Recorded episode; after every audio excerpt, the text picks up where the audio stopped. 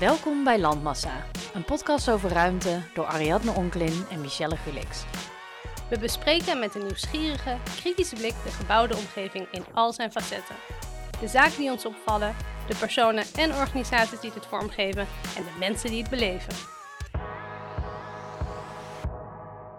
Hey Michelle, Hey, Ari.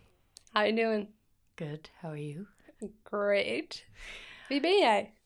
Wie ben ik? ja, het is wel goed om ons even voor te stellen aan onze luisteraars, inderdaad. Want ehm, die willen misschien wel deze podcast gaan luisteren. Maar wie zijn die mensen? achter Precies. microfoon. De Nou, vrouw dus- achter de microfoon. Ja, ik ben dus Michelle Gulix. Ik ben Ariadne Onklin, ook wel Ari door Michelle genoemd en door vele anderen. Ik ook wel Michi genoemd. Door Zeker. vele anderen. En ehm, eigenlijk eh, hebben we dit idee voor de podcast tijdens een borrel bedacht. Zeker. Want Arie en ik kennen elkaar van Arkham, het architectuurcentrum in Amsterdam, waar we elkaar hebben leren kennen. En eh, waar we allebei programmeur waren. En toen waren we laatst een soort net, ja, wat was het eigenlijk? Een Een soort netwerk, culturele netwerkborrel. Ja. erfgoed. Nou, eh, en toen ineens kwamen we op het onderwerp podcast en dachten we, oh my god, waarom doen we dit niet? Precies. Want als we één ding goed kunnen samen, is het oude over ruimtelijke vraagstukken. Precies. En toen dachten we, laten we er wat microfoons bij zetten en kijken of het wat wordt. En dat gaan we nu doen. Dus we dachten, we beginnen met een soort voorstelrondje, Ja. zodat je weet eh, wat je aan ons hebt. Ehm Arie, Ja. kun je me vertellen ehm, wat je momenteel doet qua werk? Wat ik doe. Ehm, ik werk nu sinds twee jaar bij de gemeente Almere.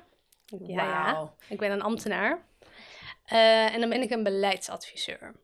Dus dat houdt in dat ik verantwoordelijk ben in de advisering van het beleid aan de politiek, aan een wethouder. En dan specifiek op het onderwerp erfgoed. Hahaha, Almere, erfgoed. Almere, erfgoed. Ja. Vertel mij wat er zo bijzonder is aan het erfgoed in Almere. En überhaupt, wat is het erfgoed in Almere? Precies. Nou, Almere heeft heel veel erfgoed en dat zit vooral onder de grond. Archeologisch is Almere super interessant. Dus dat Want wat vind je daar dan? oh, van de ijstijd en Romeinse tijd, je vindt er van alles. Het is echt, ehm, nou ja, één groot feest onder de grond. Ehm, maar wat nieuw is, in Almere, is dus het bovengrondse, zoals we het noemen daar, intern. En dat is ehm, het vraagstuk waarover ik me mag buigen. De stad is eh, meer dan 40 jaar oud. De, de omgevingswet komt eraan. We moeten een beetje rekening houden met ons cultureel erfgoed als stad. Maar wat is dat cultureel erfgoed dan? En ehm, daarvoor sta ik nu aan de lat. Ik mag eh, bedenken wat we ermee gaan doen met ons cultureel erfgoed. Wat is het? En hoe gaan we dat behouden, beschermen, waarderen? En ja, Almere is eh, een jonge stad, maar is ook de hoofdstad van de post-65 architectuur. Ja, ja. En dat is de architectuur van eh, na de wederopbouwperiode. En dat is een periode die nu heel erg in de belangstelling komt te staan. Er worden door het Rijk allemaal gemeentes, iedereen doet er onderzoek naar. Wat is het erfgoed uit die periode en hoe gaan we ermee om? En ja, voor Almere mag ik daar de antwoorden voor zoeken. Even, hoe reageren mensen als jij ze vertelt... ik ben eh, beleidsadviseur erfgoed voor gemeente Almere? Wat, zijn, wat is de standaardreactie die jij, die jij krijgt? Mensen moeten vooral lachen. Ja, ik ook.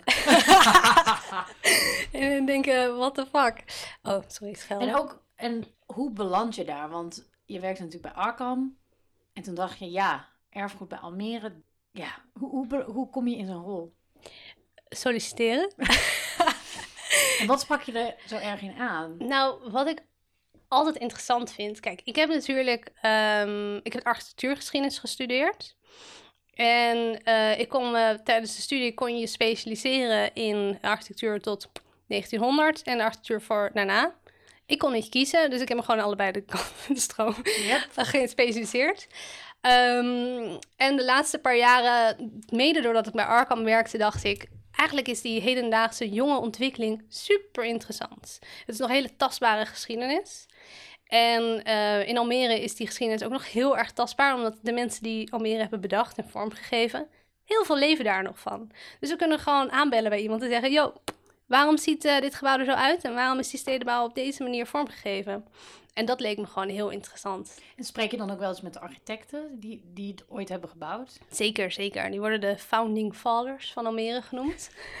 Wauw. Wauw, I know. Er zat één vrouw tussen, maar alsnog worden het de founding fathers genoemd. Ja. Ja, maar die, eh, een deel leeft daarvan nog, dus daar eh, moet ik zeker mee eh, vaak in gesprek.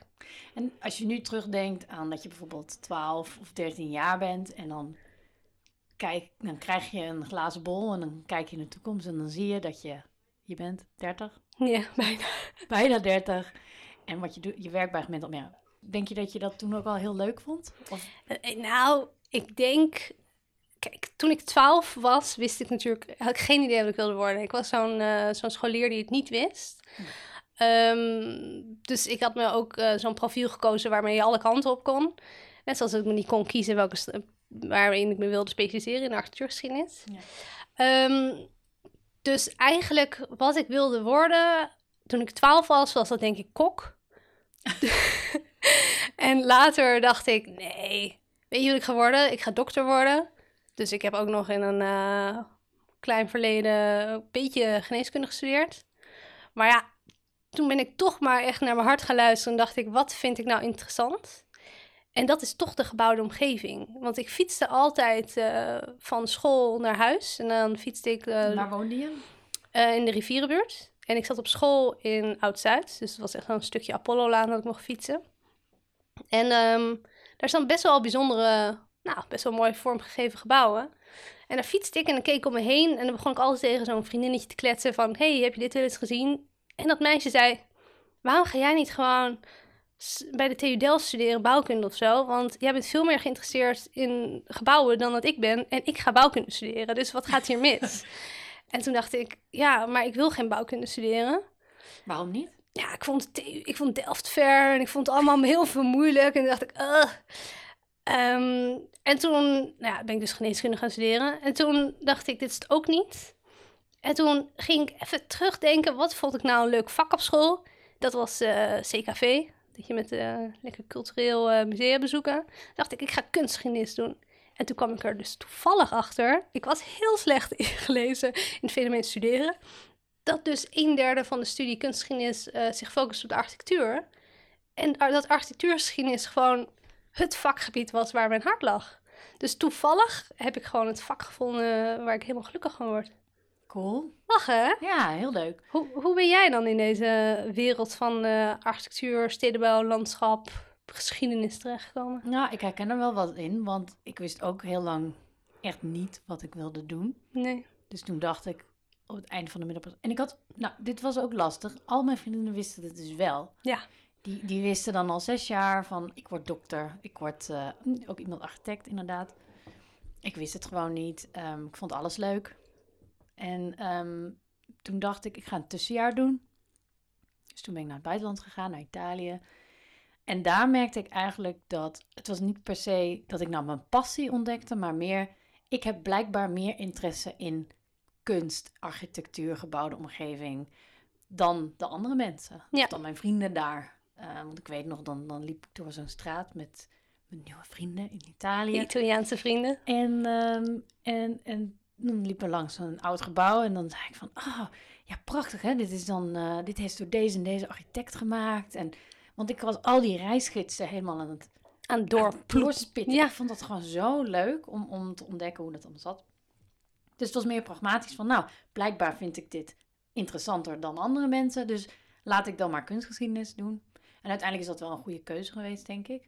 Ehm, en bij kunstgeschiedenis had ik inderdaad ook weer hetzelfde probleem. Ik vond alles gewoon wel interessant. Dus ik vond moderne kunst leuk, Ja. architectuurgeschiedenis, middeleeuwse kunst, Romeinen. Weet je, ik vond alles leuk. Ja. En toen heb ik natuurlijk moderne kunst gekozen, omdat al mijn vriendinnen dat ook gingen doen. Zo herkenbaar. En daar kon je het meest mee, zoals ze dat dan zeggen. Was dat, ja? Sowieso, toen we kunstgeschiedenis gingen doen, lachte iedereen ons uit. Zo van, hier, Oh, wat ga je ja. doen voor... Hoe ga je ooit aan een baan komen? Precies. Ja, dat is goed gekomen, gelukkig. Ja, gelukkig wel. Maar het was wel. ehm, ik, ik vond ook heel erg dat de ar- architectuurgeschiedenis had ik een aantal vakken ingevolgd. Vond ik heel interessant. Maar het was zo gefocust op dat hele oude en op heel behoudend. En, en, en daar had ik toch wel wat moeite mee. Toen ben ik stage gelopen bij het NAI ook nog. Ja, wat is dat? Eh, Nederlands Architectuurinstituut in Rotterdam. Nu het nieuwe instituut. Ja. En daar hadden ze heel veel natuurlijk ook wel redelijk moderne architectuur. En ik merkte, oh, dat vind ik heel interessant. Dus het oude, de, de vroege jaren van OMA vond ik leuk. En een beetje de jaren 60, jaren 70 architectuur, super interessant. Want daar wist ik gewoon nog helemaal niks van. En eh, dus toen ben ik moderne... Oké, dit is heel onlogisch, want toen ben ik dus moderne kunst gaan doen.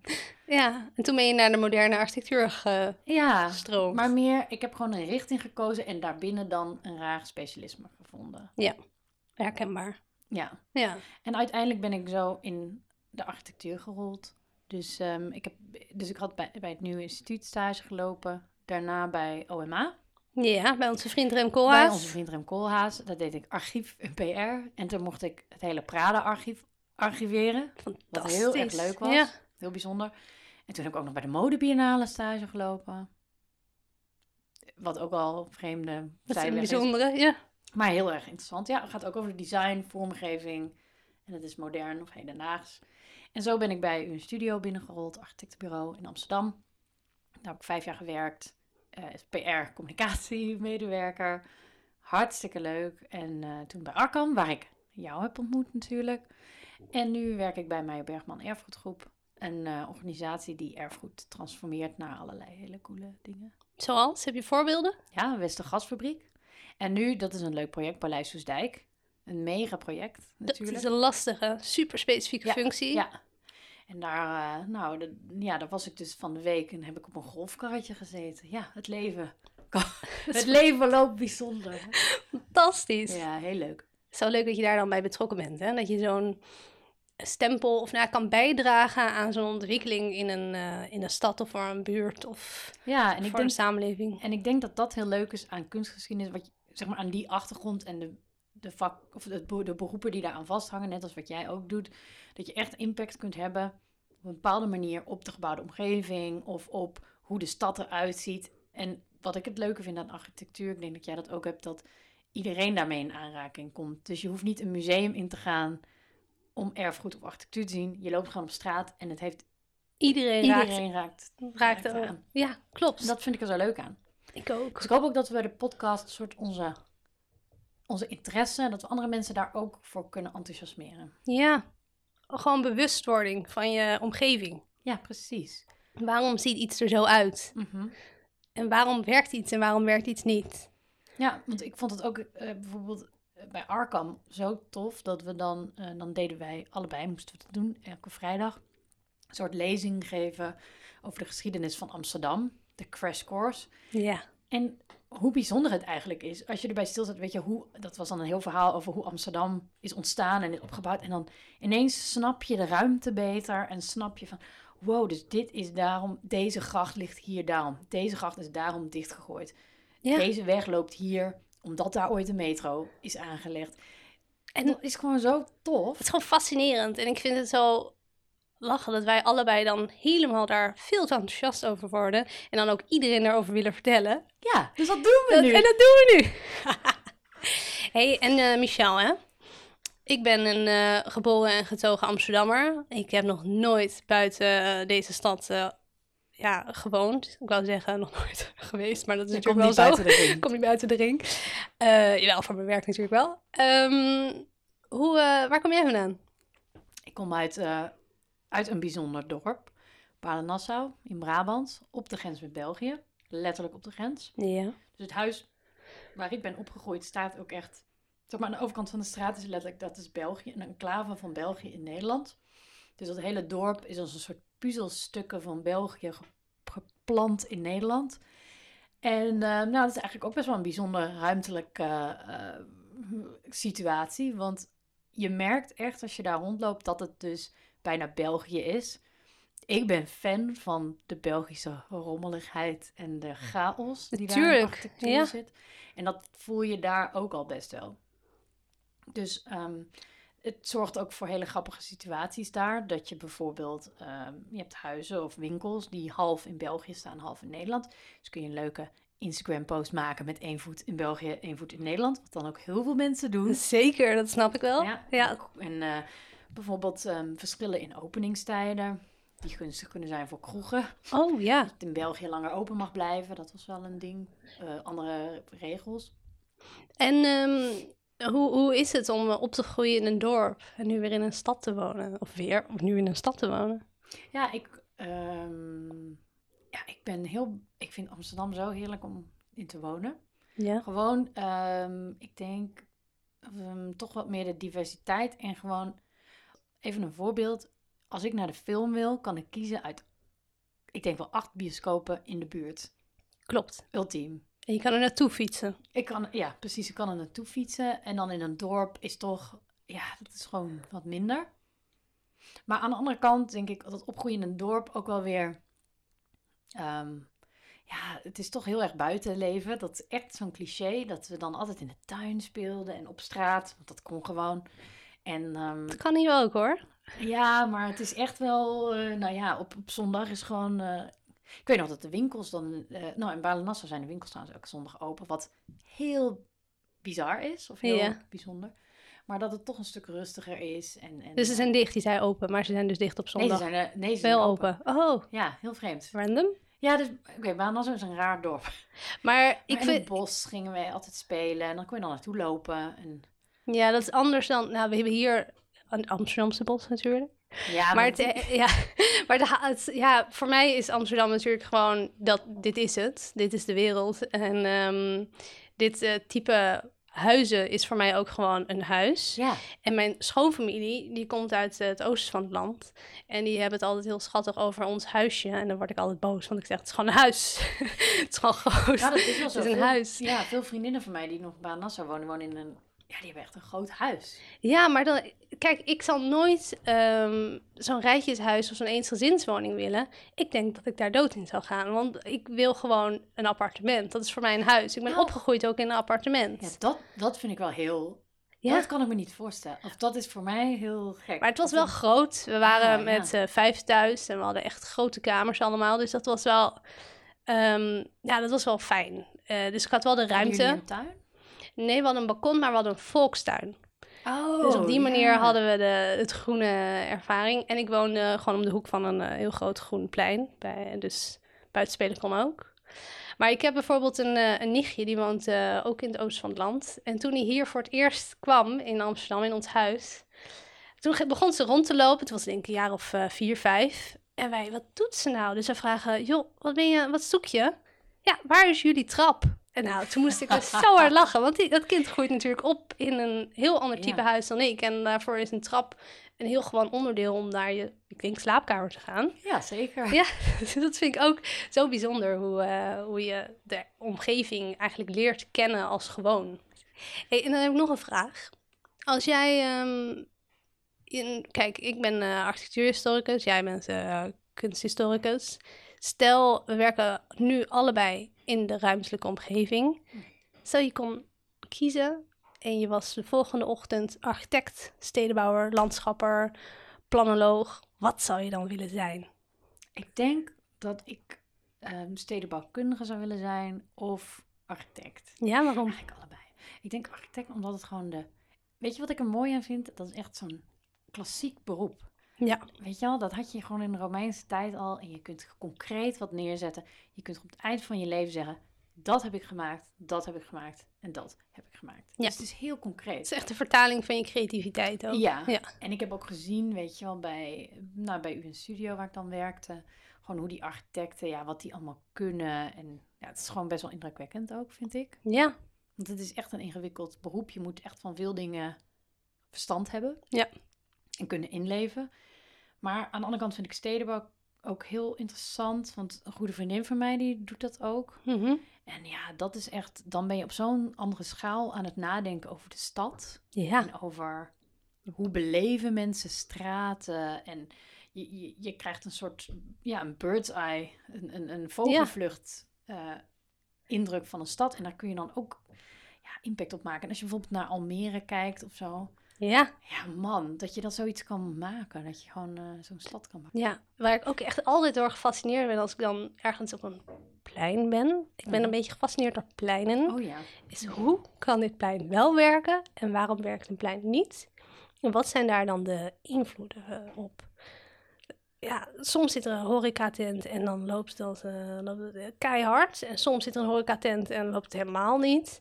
En ik denk dat de omgeving, de, het ontwerp van de ruimte, zoveel invloed heeft op hoe een plein functioneert.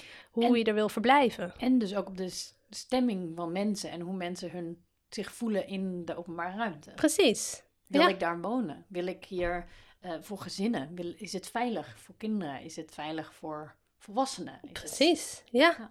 En met de architectuur van nu, dat vind ik ook altijd fascinerend. Als je kijkt naar wat er nu wordt gebouwd op Eiburg. En eh, je hebt natuurlijk het Java-eiland wat vol is gebouwd met een bepaaldzelfde type architectuur. De ramen van de woningen zijn allemaal zo klein. En dan denk ik, wow, wie bedenkt dit? Het lijkt me, ik vind ramen en licht in huis zo belangrijk. Ja. Dus het is ook, je bepaalt als architect en stedenbouwer zo iemands leven met Ja, jouw zeker. ontwerp. Fascinerend. hey, en ehm, wat is nou jouw favoriete plek in Amsterdam? Mag, mag ik heel cliché zijn? En Ja. gewoon een grachtengordel zeggen? Heerlijk. Erg toch? Maar Ja. ik denk, weet je... Dat is een van de dingen die ik het leukst vind aan hier wonen. Is ik ga, elk weekend bijna ga ik dus met mijn, met mijn man eh, wandelen door de stad. Lekker struinen. Gewoon struinen. En ik vind het gewoon... Ik, elke keer nog, als je daar loopt... Gewoon in de Jordaan en dan ga je zo echt die grachten op. Het is gewoon zo mooi. Het is heerlijk. Ja. Vooral, weet je wat ik ook en altijd het is heerlijk ook vind? levende geschiedenis. Want Precies, ja. Je, je hebt de restaurantjes, cafeetjes. En het is gewoon zo mooi. Ook ondergaande zon op de gracht. Weet je, altijd stop je even en dan maak je toch een foto. Precies. Duizend zelfs foto's in je telefoon. Maar Ja. toch blijft, het, blijft het een ervaring. Ja, dus dat is mijn favoriete plek. Ja, Ja. kan niet anders. Vooral als het donker is en er zijn allemaal lampjes en je fietst over de Mm. grachten. Heerlijk. En jij? Ja, ik heb daar dus heel hard over zitten nadenken over deze vraag toen ik hem zelf voor jou bedacht. Wat is nou mijn favoriete plek in Amsterdam? Ik, eh, ik hou ook heel erg van een beetje struinen door, eh, door de stad. En wij gingen vroeger, toen ik klein was, wandelden we eigenlijk bijna elk weekend naar de Albert Kuip. Datzelfde stukje door de pijp naar de Kuip en de Kuip over en dan weer terug. En het valt me op, ik doe dat nu nog steeds. Precies Mm. hetzelfde wandeltje. En daar word ik altijd heel blij van. Een beetje struinen door de pijp. Koffietje, heel millennial. Ehm, gewoon de stad ervaren. Maar wat ik ook heel erg een fijne plek qua locatie vind, is ehm, het Stenen Hoofd. Ja. Ja. Oh ja. Oh, heb dat je vind ik ook een leuke. Heb je zo'n top uitzicht op de stad. Dan kan je de stad vanaf een afstand bekijken. En dat vind ik gewoon fascinerend. Maar als ik nog iets mag zeggen, sorry, ik vind eigenlijk alles leuk hier in Amsterdam. maar ik Is, vind is Amsterdam ook je favoriete stad? ehm, in Nederland wel. Ja, in Nederland zeker wel. En, in, en wereldwijd? Nou, ik was ehm, afgelopen jaar was ik in Philadelphia. Oh. Fascinerende stad. oh. Echt een pareltje. Geen toeristen bekennen. Echt een must-see. Je hebt daar echt leuke oude architectuur, maar ook echt super nieuwbouw. Ehm, en het is heel anders dan New York, maar ik vind New York, denk ik, misschien een beetje cliché, maar ook wel echt een hele fijne stad. Ja. kan ik me helemaal wel voorstellen. Maar ja, ik zeg altijd, ehm, ik kan niet weg uit Amsterdam tenzij ik naar een grotere stad ga. Dus ehm, in Nederland verhuizen wordt hem niet, maar misschien naar Berlijn of naar Ja, Londen of New York zou wel kunnen. cool. Cool, hè? Hmm. Ja. Lekkere babbel hebben we, Michel. Laten we maar lekker beginnen met die podcast. Let's do this. Let's go.